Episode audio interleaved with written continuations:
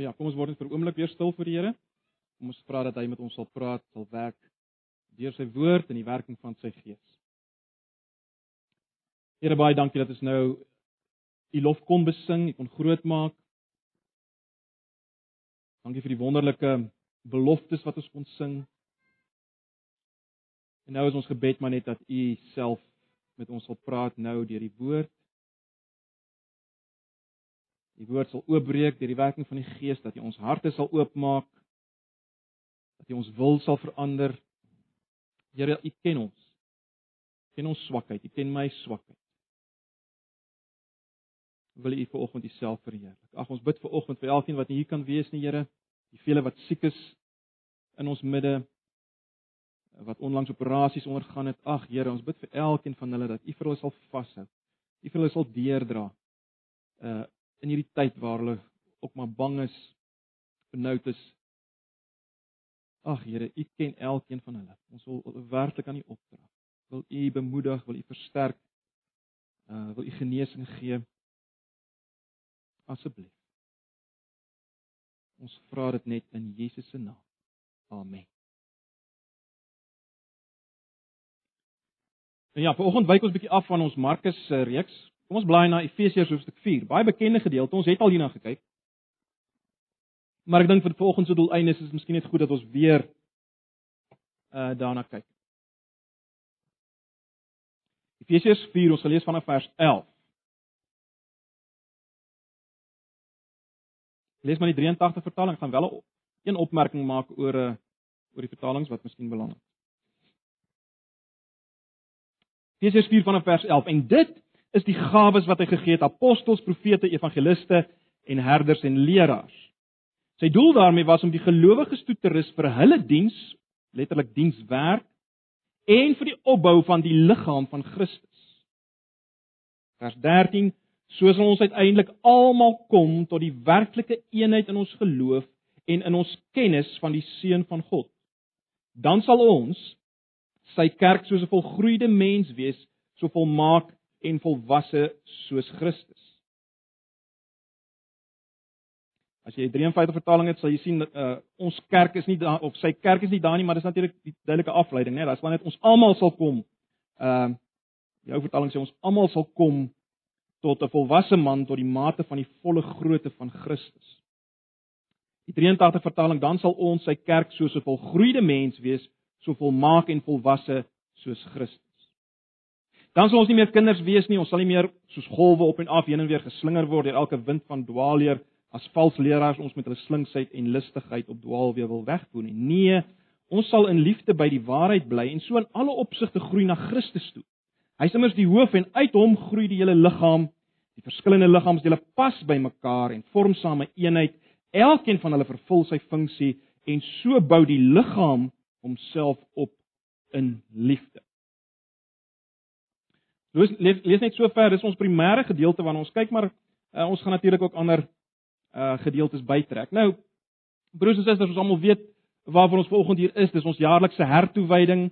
Uh by hierdie geleentheid verbind ons onsself weer tot die gemeente. Ek verbind myself om 'n lewende lidmaat te wees van hierdie gemeente. Nou as 'n mens so iets doen, dan moet jy altyd vra maar is dit nou regtig nodig? En dis wat ons elke jaar vra, maar dit is belangrik dat ons dit weer doen en weer daarna kyk. Ek meen hierdie gekarring van om deel te wees van 'n gemeente en van selgroepe en eredienste by te woon, is dit regtig nodig? En nou hoor ons nog in die selgroepe dat ons as gemeente moet uh, gesamentlik getuies wees. Miskien voel sommige vanoggend kyk man, Ek wil net self geestelik groei. Ek meen dis dis 'n groot stryd genoeg. Ek ek ek kan nie nog dink aan die gemeente. Ek wil net self geestelik groei. Uh dis nog die belangrikste ding vir God. En ek sal op my eie getuig. Daar waar ek met mense in aanraking kom by my werk en oral, ek het so waar nie die gemeente daarvoor nodig. Dalk is dit dit so sommige van ons volgens dink. Ek meen ek kan lees. Ek kan lees na die internet en 'n uh, daar's wonderlike Bybel apps vandag wat ek kan gebruik. Nou, laat ek onmiddellik sê as jy so redeneer, ehm um, wys jy natuurlik maar net jy's 'n kind van jou tyd. Ehm um, ons almal is word maar daardeur geraak deur hierdie individualistiese kapitalistiese stelsel wat ook neerslag vind in die uh, Christelike klimaat van die dag. Uh, dis hoekom ons dink my groei en my getuienis is die belangrikste ding vir God. En ons dink hy sal my op my eie laat groei terwyl ek Bybel lees en Bybel apps gebruik.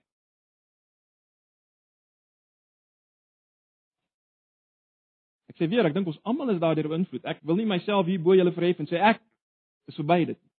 Glad. Maar ons is maar net kinders van ons tyd, né? Nee, individualis. Wel ek gaan jou dalk skok vanoggend. Jou persoonlike geestelike groei is nie die belangrikste saak vir God. Dis nie. En jou persoonlike getuienis is nie die belangrikste ding vir God. En hy sal jou nie alleen laat groei met jou Bybel uh met jou Bybel en jou Bybel apps en jou rekenaar of jou iPad of wat dit mag wees. Ek wil die volgende stelling maak of stellings maak. Die groei van sy kerk. Die liggaam van Christus op aarde is vir God die belangrikste saak in die heelal.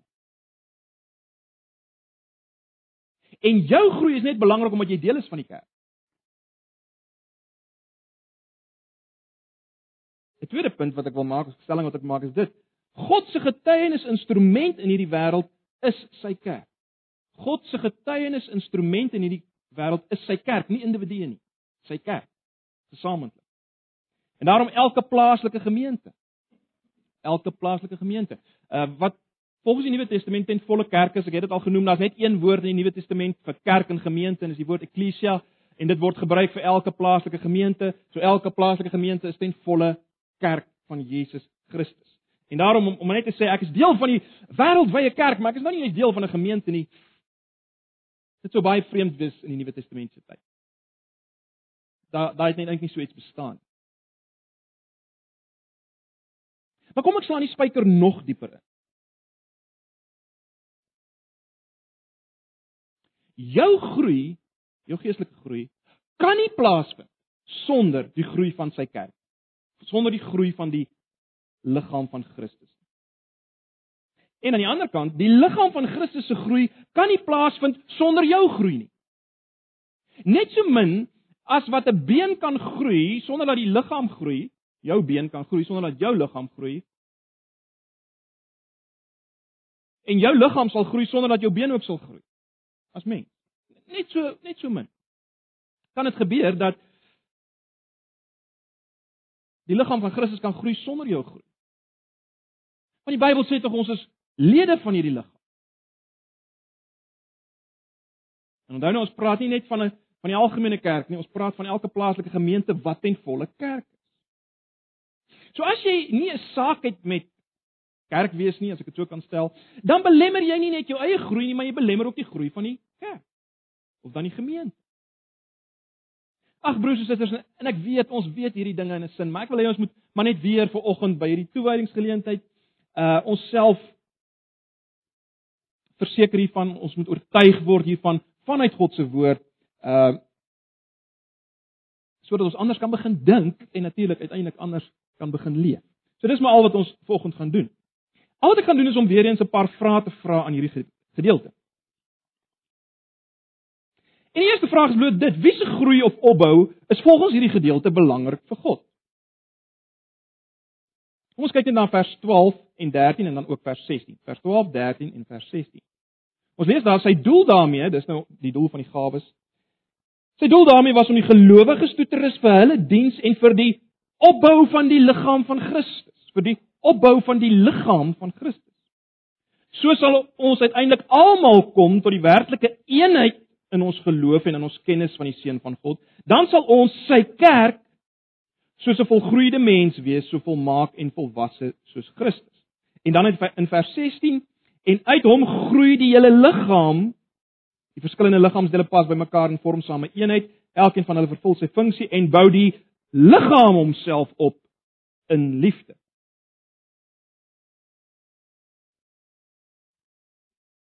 Ek dink julle sal my saamstem. Dit gaan nie hier in die eerste plek oor 'n individu se groei of 'n individu se opbou dan nie. Nee, dit is baie duidelik, dit gaan uh oor die liggaam van Jesus. Nou as dit nog nie vir jou duidelik is nie, in in Efesiërs 1 vers 23 net aan die begin van hierdie boek word baie duidelik gemaak dat die kerk is die liggaam van Christus. Die volheid van hom wat alles en almal vervul. Die kerk is die liggaam van Christus. So dis waaroor dit hier gaan. Maar nou wil ek eers net 'n bietjie terug staan en vra maar hoekom is dit so? Hoekom is die groei van die liggaam of die kerk so belangrik vir God? En hiervoor moet ons 'n bietjie weier dink. Ons moet 'n bietjie die die groter prentjie sien. Die groter Bybelsteologiese prentjie as jy wil.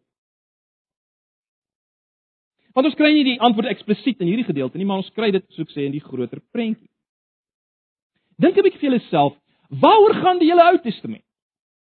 Die hele Ou Testament gaan natuurlik oor wat God gedoen het, maar spesifiek wat hy in en deur 'n volk gedoen het, né? Nee. Jy kan nie die Ou Testament lees sonder om onder die indruk te kom van die feit dat dit gaan oor die volk Israel nie. Dis met hierdie volk wat God in 'n verbondsverhouding gaan, amper soos 'n huweliksverhouding gaan. Hy gaan met die volk in 'n verhouding. Al die insettinge en gebooie wat ons kry, uh wat daar in Eksodus gegee is en later weer in Deuteronomium, is gegee vir die volk Israel, né? Nee. Vir hierdie volk word gesê in Eksodus 19 vers 5 en 6 dat hulle is 'n koninkryk van priesters en 'n heilige nasie. Ek het al verwys na hierdie opmerking, die feit dat hulle 'n koninkryk van priesters genoem word. Met ander woorde, soos 'n priester staan tussen God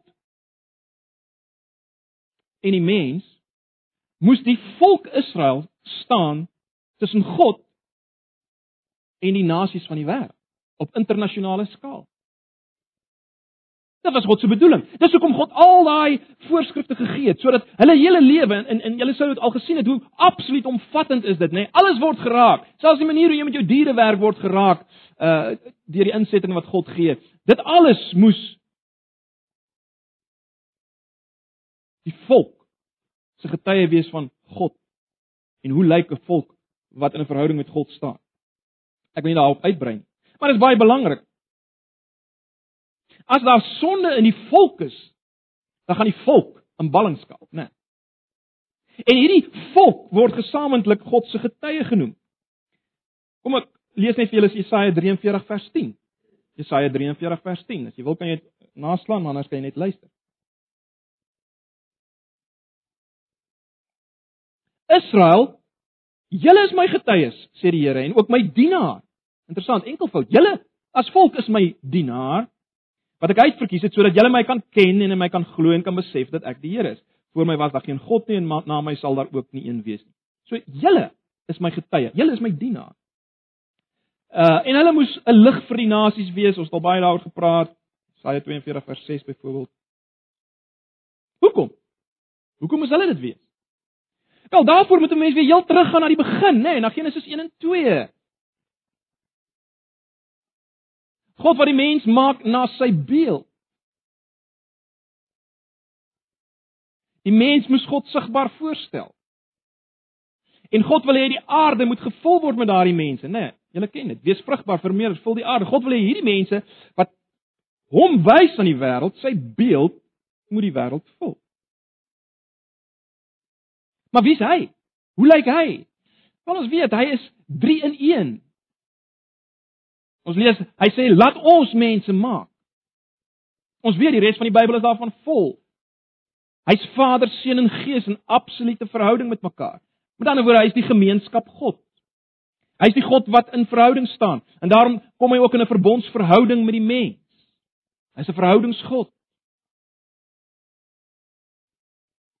So, wat moes die volk doen? Hulle moes hierdie hulle moes hierdie beeld van God hierdie verhoudingsgod uitstraal in hulle gesamentlike lewe, né? Maar ons weet dat hulle misluk. Ek wil nie nou daarop uitbrei nie. Eh, maar dan kom ons by die Nuwe Testament en, en wie is nou in die Nuwe Testament die uiteindelike beeld van God? Wel Jesus, né? Nee. Ons lees in Kolossense 1:15, hy is die beeld van die onsigbare God. Hy het God nou voorgestel sigbaar. Maar nou weet ons, ons wat nou hier sit, weet dit baie goed. Ons het nou al baie vir mekaar gesê, ons ons visievers Johannes 20 vers 21, as Jesus vir die 12 sê, soos die Vader my gestuur het, stuur ek julle. En dan word as God Jesus gestuur het om vir die wêreld te wys hoe lyk hy, Jesus die beeld van God. Dan stuur hy nou ons. Onthou nou die 12 was die begin van die kerk. Die kerk word gestuur om God aan die wêreld te wys. Beelddraers te wees. In die Nuwe Testament is duidelik daaroor. 1 Petrus 2 vers 9. Daar daar sê Petrus vir 'n plaaslike gemeente: "Julle is 'n uitverkore volk, 'n koninklike priesterdom." Presies dieselfde woorde as Eksodus 19 vers 5 en 6. Sê hy nou vir 'n plaaslike gemeente. So die gemeente is nou die volk van God. En hierdie gemeente word sy liggaam genoem in Efesiërs 1 vers 23. En baie belangrik, die kenmerk van hierdie liggaam is juist dat hulle een is soos die God wat hulle in die wêreld instuur, soos die God wat wil hê die wêreld moet sien hoe hy lyk. Die kenmerk van hulle is eenheid. Luister net na Jesus se belangrikste gebed ooit in Johannes 17. Luister net na vers 21. Ek gaan nou net die die eerste deel uitlig en net nog gaan ek iets oor die tweede deel sê. Wat bid Jesus? Hy hy bid die volgende. Hy sê ek bid dat hulle almal een mag wees net soos U Vader in my is en ek en u.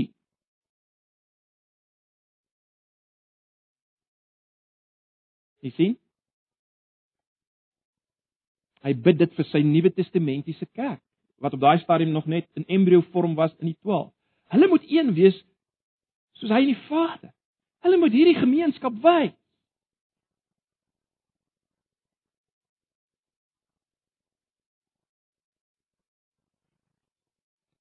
Ek noem hierdie dinge vir julle net om 'n groter agtergrond te gee. Dit is hoekom die opbou, die groei van die liggaam, die kerk belangrik is vir God.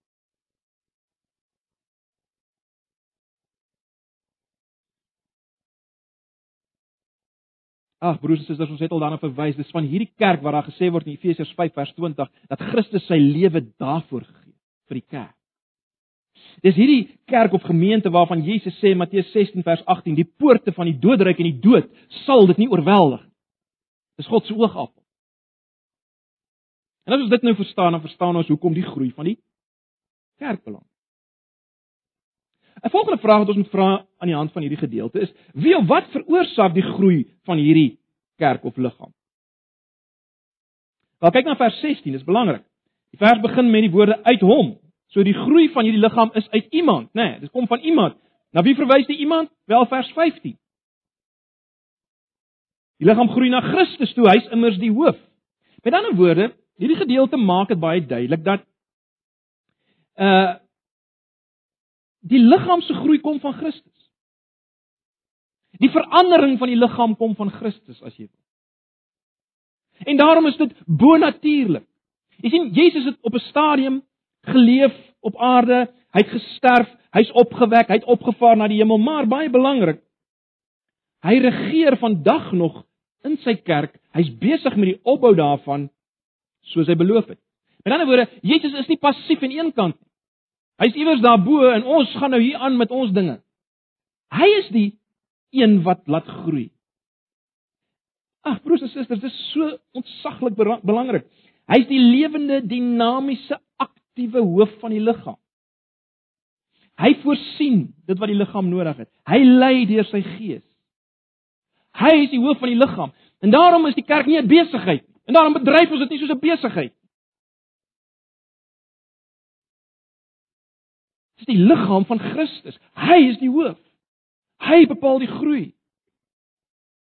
Die vraag is natuurlik sal ons hierdie voorsiening ontvang? Verwag ons dit? en kanaliseer ons dit na mekaar toe? Dis die vraag. Maar vir nou, kom ons hou net dit vas. Jesus Christus is die lewende bron van kerklewe en groei. Nie enige tegniek nie. Nie die predikant nie. Nie die ouderling nie. Jesus Christus. So belangrik, broers en susters, ons dit sal sien. Maar nou, baie belangrik, waar doen hy dit? Wel hy doen dit Dis die logiese, nê? Nee? Hy, hy hy hy doen dit. Hy veroorsaak hierdie groei in die liggaam. So daar waar die liggaam is, daar van die groei plaas. Miskien sit jy volgende hier as iemand wat so verlang dat Jesus sal werk in jou lewe, dat jy hom sal beleef, dat hy jou sal laat groei. Uh, dat hy jou sal voed, dat hy jou sal koester. Jy jy, jy het 'n verlange na Jesus. Wil sorg dat jy deel is van die gemeente. Want dis waar hy die groei laat plaas. Dis waar hy sy beskerming gee. Ons dink altyd hy doen dit net aan my binnekamer. Hy sê hy doen dit in die gemeente. Dan sê ek nie hy doen dit nie in die binnekamer nie, moet my nie verkeerd hoor nie. Maar broers en susters, ons is so individualisties. As ons Jesus wil beleef, as ons wil weet verseker hy's iewers, hy's werksaam, waar moet ek wees? Ek moet in sy liggaam wees. Ek moet tussen medebroers en susters wees. Dan kan ek weet daar gaan hy my voed en koester en laat groei. Maar wat gebruik hy om dit te doen? En dis 'n volgende ding wat belangrik is. Wat gebruik hy om dit te doen?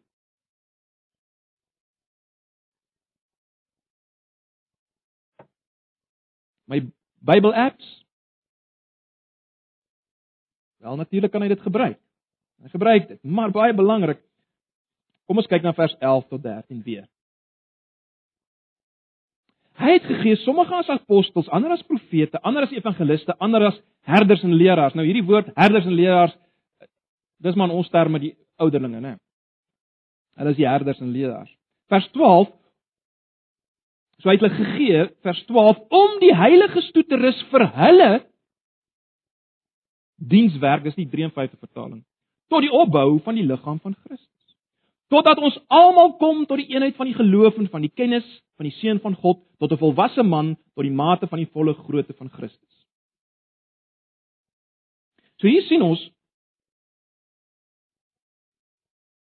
dat Christus, die opgestane Jesus, het sekere gawes of dan ampte gegee uh, wat nou beskryf word hier in vers 11.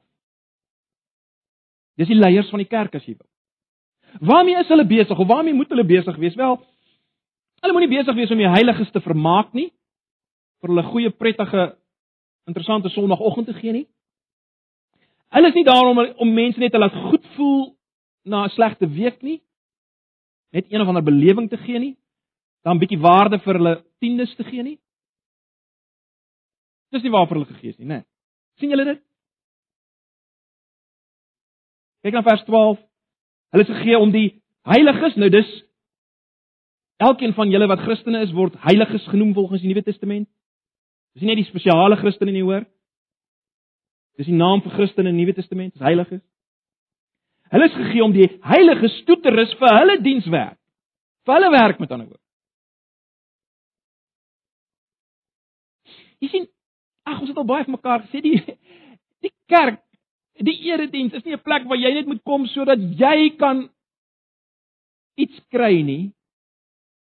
Die hele gedagte is dat jy kan iets kry om te kan gee, met die klem op te kan gee, te kan werk. Elke gelowige moet met ander woorde werk, dienswerk doen.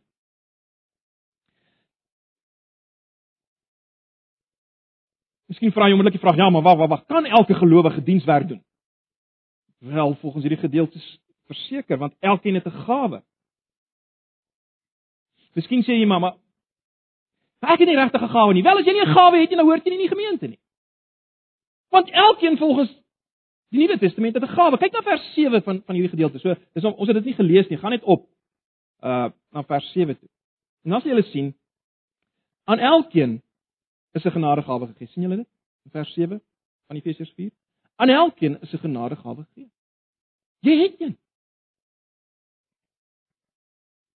As vers 7 van hoofstuk 4 nog nie duidelik genoeg is nie. Kyk na 1 Petrus 4 vers 10 of luister na 1 Petrus 4 vers 10.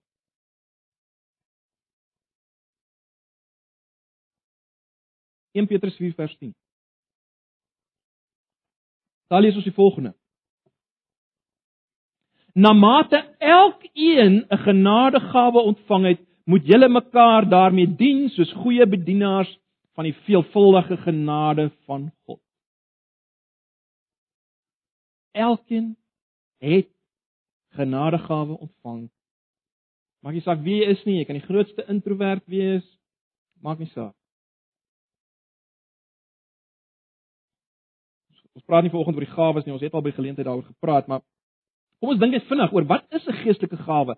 Uh ook in die lig van van hierdie vers. Wel, ek sal dit so wil stel, ons kan sê 'n geestelike gawe is enige vorm van besondere toerusting deur die Heilige Gees wat ons geloof as te ware na vore bring of tot uitdrukking bring en wat God gebruik om sy genade na ander te versprei. Hoekom? Sodat sy gemeente opgebou kan word. Kom ek herhaal dit weer. Geestelike gawe is enige vorm van besondere toerusting deur die Heilige Gees wat ons geloof tot uitdrukking bring en wat God gebruik om let wel sy genade na ander te versprei sodat sy gemeente opgebou kan word.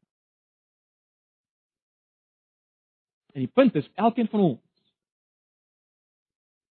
het so iets wat God wil gebruik om sy gemeente op te bou. Ag, is dit nie ongelooflik broers en susters dat Paulus se siening van die liggaam van Christus is een wat baie werk nodig het.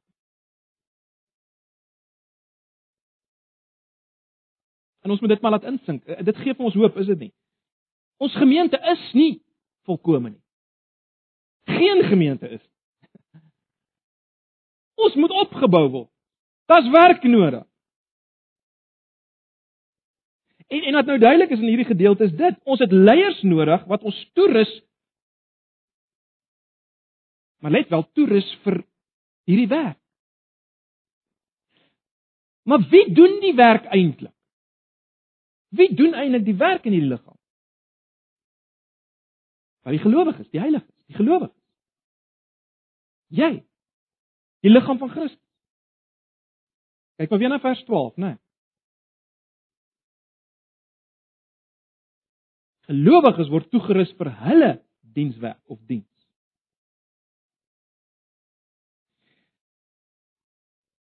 Ag, broers en susters, met ander woorde,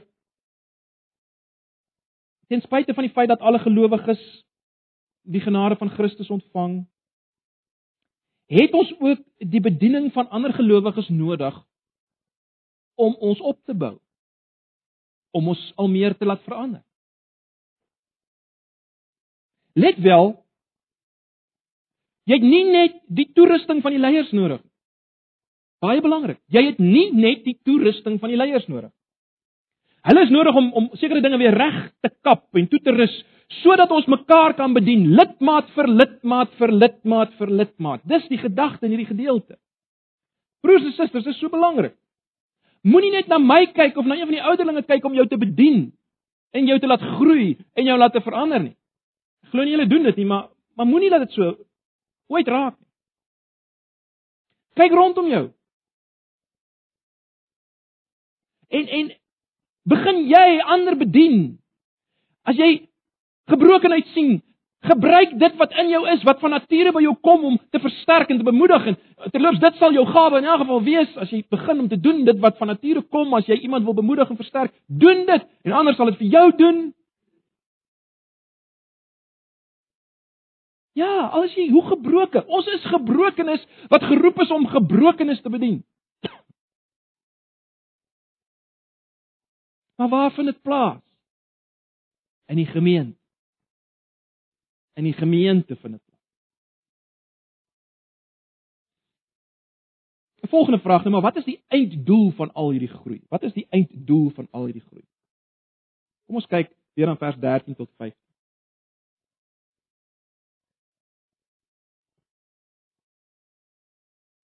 As ons kyk na vers 13, dan sien ons die doelwit is die opbou van die liggaam totdat ons kom tot die eenheid van geloof en die kennis van die seun van God. So Dit alleen bevestig dat Paulus wil klem lê op die bou van die liggaam as 'n geheel, nie net 'n individu nie, né? Maar dan in vers 13 uh in die middel van vers 13 is daar die belangrike frase afhangende van watter vertaling jy het. Uh as jy 83 vertaling het, kry jy die frase soos 'n volgroeide mens. of tot 'n volwasse man. 'n ander woorde, die doel van hierdie bediening is die opbou van die liggaam sodat die liggaam 'n volwasse mens word of 'n volwasse man word. Hierin sien word nie gepraat van 'n individu nie, nê. Die liggaam moet 'n volwasse man word. Natuurlik moet jy ook volwasse word, maar Paulus verwys hier na Christus as 'n volwasse man. sien julle dit? Die volgende frase verduidelik dit. Soos 'n volgroeide mens, so volmaak en volwasse soos Christus. So volmaak en volwasse soos Christus. So, om dit maklik te maak, wat gaan hier aan? Wat doen Paulus hier? Wat doen Paulus hier? Paulus teken vir Jesus Christus as 'n volwasse uitgegroeide man. Hy stel hom voor as as ek dit so kan stel, as 'n volwasse uitgegroeide man. Maar hy sien dan die liggaam van wil ek so stel, hy sien die gemeente as die liggaam van hierdie volwasse volgroeide man. Maar hierdie liggaam van hierdie man is in die proses van opbou. Is nog nie afgehandel. Dis sy punt, né? Nee, ons moet mekaar bedien met die oog daarop nie net dat ek individueel afsonderlik volwasse word nie, maar met die oog op die volwasse word van hierdie man, hierdie hele liggaam. Dis hoekom ons mekaar bedien. Nie net sodat Piet kan volwasse word en Jan kan volwasse word en ek kan volwasse word nie, maar sodat hierdie hele man, hierdie liggaam kan volwasse word. Dis die gedagte.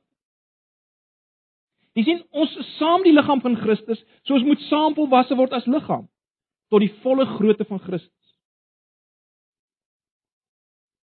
En dis wat vir ons natuurlik so vreemd is, né? Nee. Ons wat lewe in 'n individualistiese kultuur, ons is ons is toegewy aan persoonlike, individuele vervulling, satisfaksie.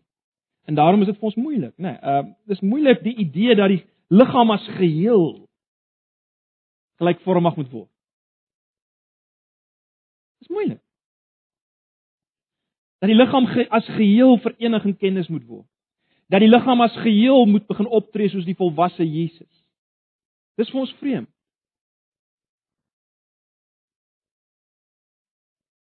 Maar dis waar ons opgeroep, opgeroep word, is dit nie? En die logika is natuurlik duidelik. As ons 'n gedagte hou, dink aan Jesus. Die volwasse Jesus. In hom was al die gawes in hulle volheid gewees. En hy het beweeg in die wêreld in as beeld van God God duidelik te maak, die koninkryk sigbaar te laat word. Maar nou is al die gawes wat in hom saamgevat was in hierdie een mens is nou versprei onder ons. Dis versprei onder ons. En daarom kan geen individu alleen meer doen dit wat Jesus gedoen het. Maar saam kan ons doen wat Jesus gedoen het. En dis God se gedagte dat ons saam in beweeg soos Jesus. En ag, broers en susters, dis ons visie vir die gemeente, is dit nie? Maar ons moet dit weer hier sien. Dis die gedagte. Dis die gedagte. Die liggaam moet volwasse word sodat hy Jesus in sy volheid kan openbaar aan die wêreld en sodat die wêreld uiteindelik God kan sien. Dis die hele gedagte. En is hierdie liggaam wat nou volwasse geword het soos Jesus, dit is God se sendinginstrument. Sy getuienisinstrument as jy wil.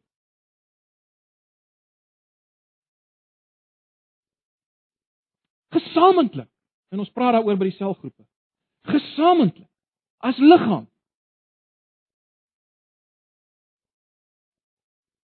Luister net na Johannes weer eens Johannes 17 vers 2. Ek het net nou uh of ag ekskuus vers 21. Johannes 17 vers 21.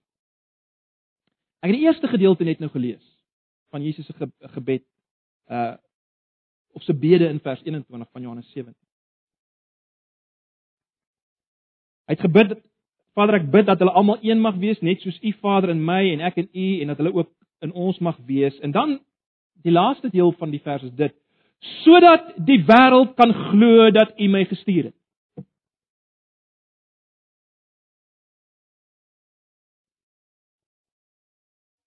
So wanneer glo die wêreld dat God Jesus gestuur het.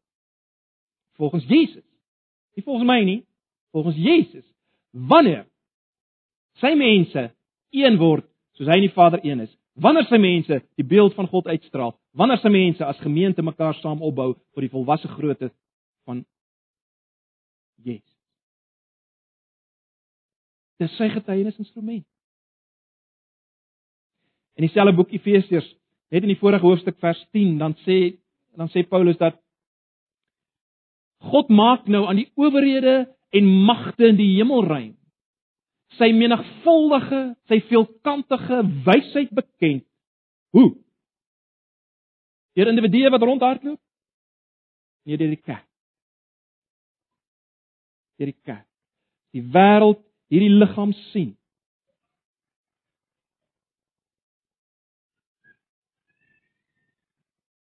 En as die owerhede en magte in die hemelruim volgens daai vers hierdie liggaam sien, dan sien hulle die wysheid van God. Die veelkantige wysheid van God.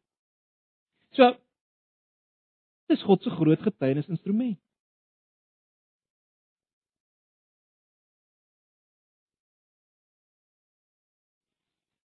As mense so een is en nie meer rondgeslinger word volgens vers 14 deur elke wind van lering sommer vir alles val nie, né? Mense een is saam. Soos die volwasse Christus. Een is in hulle kennis van die seun van God. Dis hulle God se getuienisinstrument. Dit lyk vir my die implikasie is dat buite die gemeente word dit waar wat vers 14 beskryf, né? Nee, buite die gemeente is daar die gevaar dat jy soos 'n kind sal word en op en in rond geslingel geslinger sal word deur elke wind van dwaaljaar. Ek wil nie nou daarop uit. Kom ons vra net nog hierdie vraag. Hoe gebeur dit prakties? Dat die liggaam homself opbou, lidmaat vir lidmaat, sodat ons word soos die volwasse Jesus, God se getuienis instrument in die wêreld. Hoe hoe gebeur dit prakties? Wel, Kom ons kyk na vers 15 en 16. Nee, ons sal in liefde by die waarheid bly. Dis nou hoe die 83 vertaling dit vertaal. As jy 'n Engels Engels vertaling het, sal jy sien dis daai bekende frase van to speak the truth in love. Uh, uh, dit is eintlik waaroor dit gaan om die waarheid in liefde te praat. So as ons in waarheid die liefde praat of in liefde by die waarheid bly en in alles opsigte groei na Christus, hy is immers die hoof en uit hom groei die hele liggaam, die verskillende liggaamsdele pas by mekaar en vorm saam 'n eenheid. Elkeen van hulle vervul sy funksie en so bou die liggaam homself op in liefde. Uh ek dink die die ou vertaling gee nog meer die gedagte van eenheid, né? Nee. Uh Net so kyk Efesiërs 4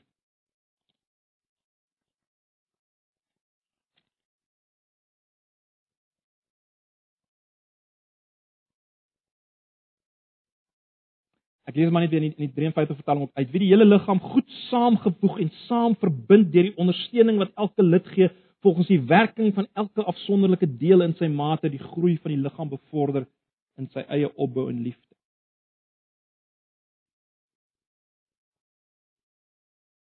En wat is die punt van vers 16? Die punt van vers 16 is is bloot dit, daar's nou 'n kontak. En waar hierdie noue kontak is, kan die liefde en waarheid gepraat word en waar ons die liefde en waarheid met mekaar praat in so noue kontak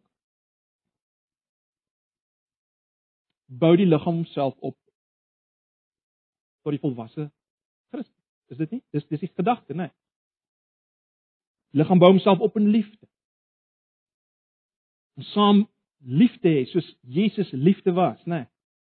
Ag broers en susters, en dit sê maar net vir ons prakties beteken dit ons moet in kontak met mekaar wees, né?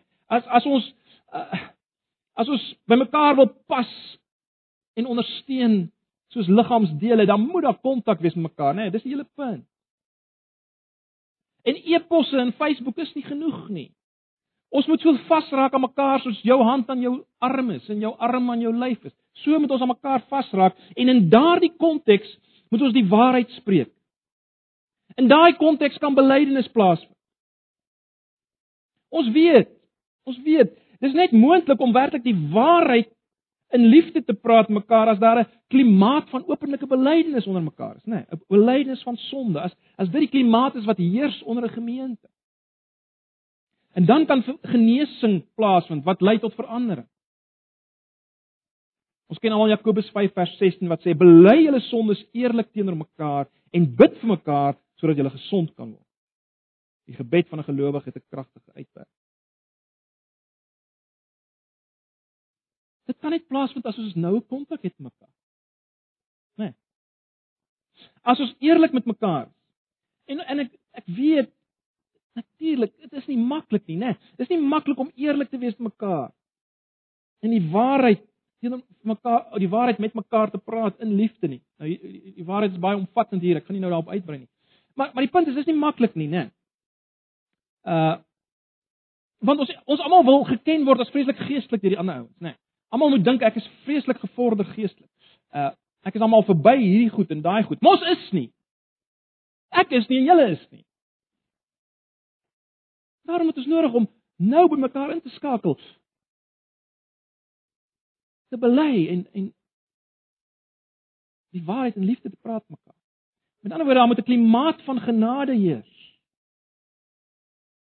Waar kan eerlik wees sonder om bang te wees? En dan kan ons saam verander. En julle weet so goed soos ek dit vat tyd. En ag dit kan uiteindelik prakties regtig plaasvind in kleiner groepe, die selgroepe. Daarom is die oproep om om te verbind ver oggend tot die gemeente implisiet roep ek julle op om maar weer om deel te word van 'n kleiner groep. Broers en susters, hierdie hierdie groei van ons as individue sodat die liggaam kan saamgroei. Dit vind nie plaas voor my rekenaar as ek alleen daar sit. Jy sien jy het ander gelowiges nodig om jou bewus te maak van jou eie liefdeloosheid. Jy het ander gelowiges om jou bewus te maak van dat jy nie so oulik is wat jy dink jy is. Jy's geïrriteerd. Jy's ongeduldig. Jy wil altyd eers iets sê. Jy wil altyd gehoor word. Jy maak ander stil. Dit is net in 'n groep saam met ander gelowiges waar hierdie sonde van jou na vore kom. Want jy kan baie goed oor jouself voel op jou eie voor jou Bible apps, né? Nee. Kan jy vreeslik geestelik voel? En vreeslik slim voel? Maar dis eers wat jy begin skuur met ander gelowiges die agterkom. Of wie wat? Ek is nie so so geestelik soos ek gedink het nie. Kyk hierdie goed wat in my is. Kyk hoe geïrriteerd is ek met hierdie ou. Maar dis hoe ons kan verander. Sodat die liggaam kan verander.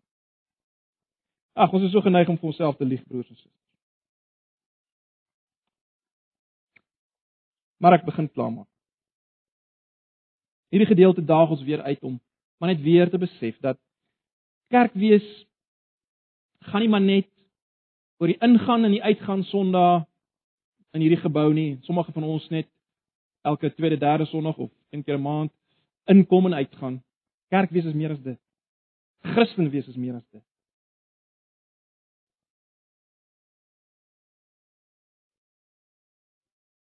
Ons moet dit hard en duidelik mekaar sê.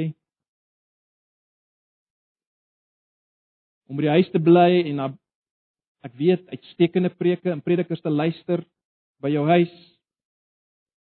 Dis nie Nuwe Testamentiese Christendom. Jy kan al slimmer word. Al meer weet. So slim dat jy eintlik nie meer kan luister na enigiemand anders nie. Maar dis nie Nuwe Testamentiese Christendom. Kom maak 'n laaste paar slotopmerkings.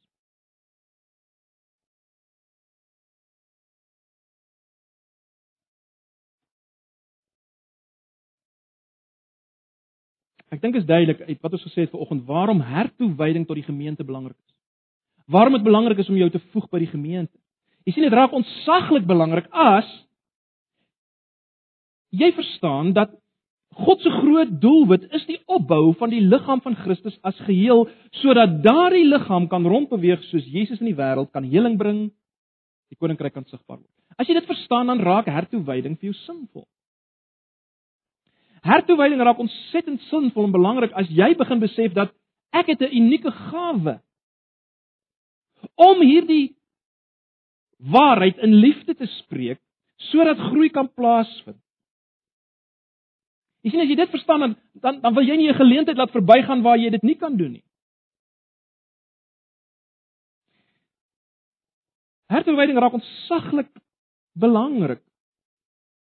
As jy werklik oortuig is van die feit dat jou groei nie kan plaasvind sonder die gemeente. Dan raak dit belangrik, is dit nie? Dan begin jy besef maar ek moet deel wees.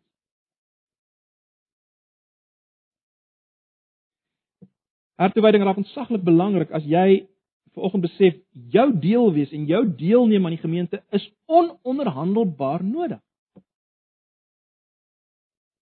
Jy jy's dalk iemand wat wat nie baie van jouself dink nie en jy jy voel ek het niks om by te dra nie. Ag, wat kan ek nou? Dis waar jy die fout maak. Dis so goed my puntjie sê, maar wat het ek by te dra tot hierdie liggaam? Maar as hy nie daar is nie, het ek 'n probleem en as hy seer is, het ek 'n probleem.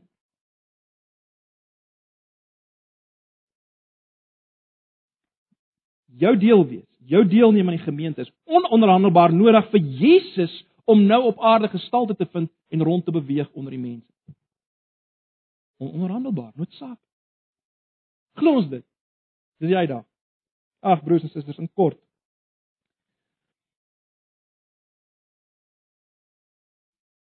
Jy sal vanoggend verstaan en jy sal vanoggend ernstig opneem as jy weet God se instrument vir getuie wees God se instrument om homself bekend te maak is sy liggaam en daarom ook hierdie plaaslike gemeente Antipas. En ek kan of daartoe bydra of ek kan afbreek doen dan. Dis die uitdaging.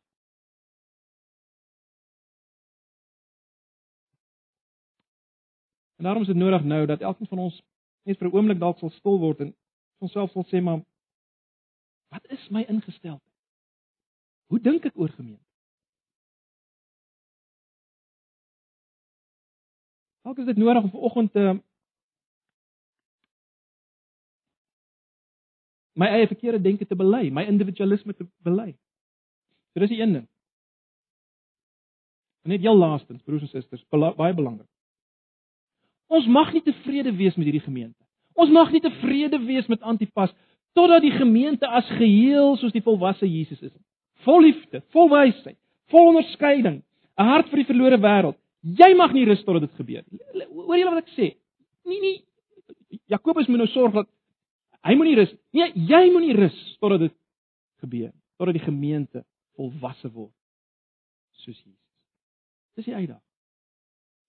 Gee 'n paar oomblikke vir stil gebed, net enkele oomblikke en, en wat ek dan gaan doen is om Sommige hier terwyl ons hier sit vir ons die die verbintenis, die gemeenteverbintenis. Dit dit waartoe ek myself hertoe wy om dit, te lees hier terwyl ons hier sit. En dan kan ons onder uh, nadat ek dit gedoen het, gaan ek vir my geleentheid gee om net vir ons die reëlings te gee vir onder en, en dan sal ons afbeweeg en saam nagmaal hou, maar ek dink kom ons doen dit hier nadat ons gebid het. Hier waar ons uh, klanke bietjie beter is en so aan. Uh kom kom ons doen dit hier, maar raak net vir 'n oomblik stil en As dit nodig is om jou individualist te, te bely, jou verkeerde denke oor die kerk, as dit nodig is om jouself net weer te gee in hierdie oomblik en sê Here, ja, hier is ek. Ek wil deel wees. Ek wil u liggaam se groei bevorder. Doen dit. Gee 'n paar oomblikke vir gebed en dan gaan ek vir ons die hertoewyding deurlees. Kom ons bid saam. Ek wil net terwyl jy so sit, hou, hou jou oë toe. Waar jy jou oë toe is en gebed is vir die Here, luister en dan dan maak jy dit deel van jou verklaring vir die Here.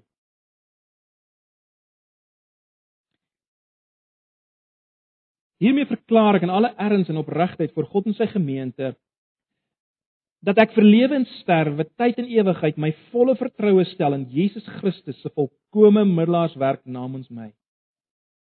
Dat ek sy omvattende en lewensbelange beslag lê op my persoon my lewe en my besittings met blydskap en dankbaarheid aanvaar.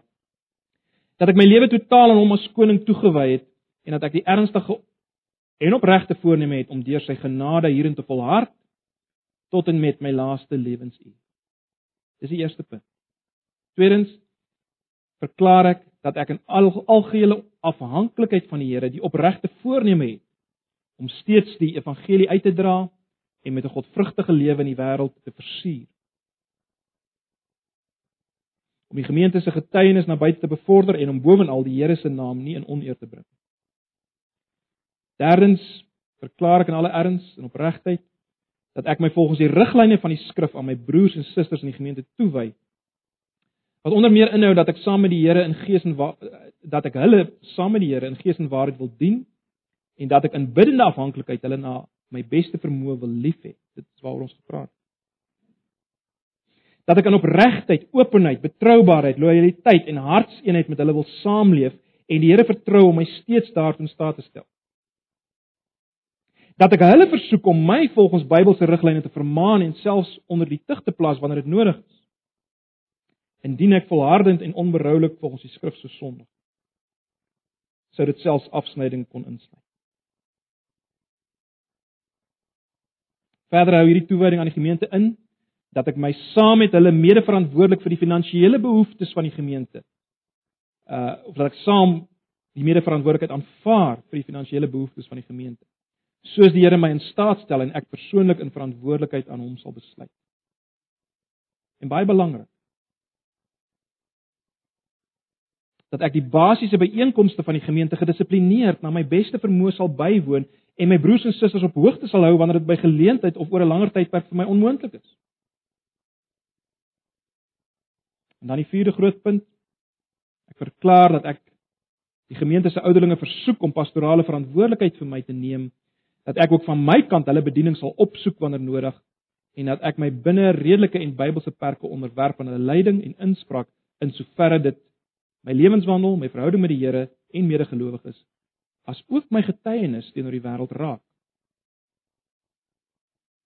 Vyftens verklaar ek dat ek aanvaar dat die 1689 Baptiste belydenis die formele belydenisskrif van hierdie gemeente is en dat ek dit onderskryf in soverre dit met die skrif ooreenstem. Sestens verklaar dat ek so gereeld as moontlik die nagmaal saam met my broers en susters in hierdie gemeente sal vier as 'n herbevestiging van my eenheid met Christus, sy gemeente en sy evangelie waarheid. En dat ek die vaste en opregte voorneme het om die implikasie daarvan steeds uit te leef. En laastens, ek onderneem verklaar dat ek dit so gou as moontlik met die ouderlinge sal opneem indien ek nie meer in integriteit hierdie toewyding kan onderskryf en uitleef. Broers en susters, julle het almal hierdie hertoewyding gelees op by die huis. Dis waar ons onsself verbind en natuurlik ons doen dit in gebrokenheid. Maar dis wat ons wil. Dis wat ons vir mekaar sê. Dis wat ons vir die Here sê in hierdie oggend. Kom ons sit net so dan bid ek vir ons saam.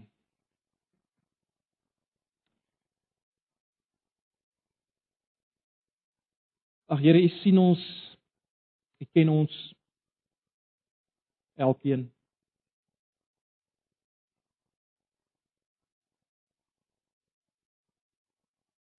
Van hierdie oggend, Here, moet ek self kom bely my eie individualistiese denke. My eie wegskram daarvan om werklik 'n passie en 'n begeerte te hê dat U geëer sal word deur die opbou van U hele liggaam, nie net my eie opbou nie. Vergewe my, vergewe ons ag Here, wil U vir ons as gemeente laat groei. Soos U beloof, U as die hoof. Wil U ons laat groei deur die dienswerk wat ons gaan doen onder mekaar as lidmaat. Wanneer ons die waarheid in liefde gaan praat. Terwyl ons in noue kontak met mekaar is. Asseblief, Here, doen dit vir ons sodat u geëer kan word, sodat u sigbaar kan word aan die wêreld. Eerstens hier in ons omgewing Pretoria en verder. Asseblief Here, ons vra dit in Jesus se naam. Amen.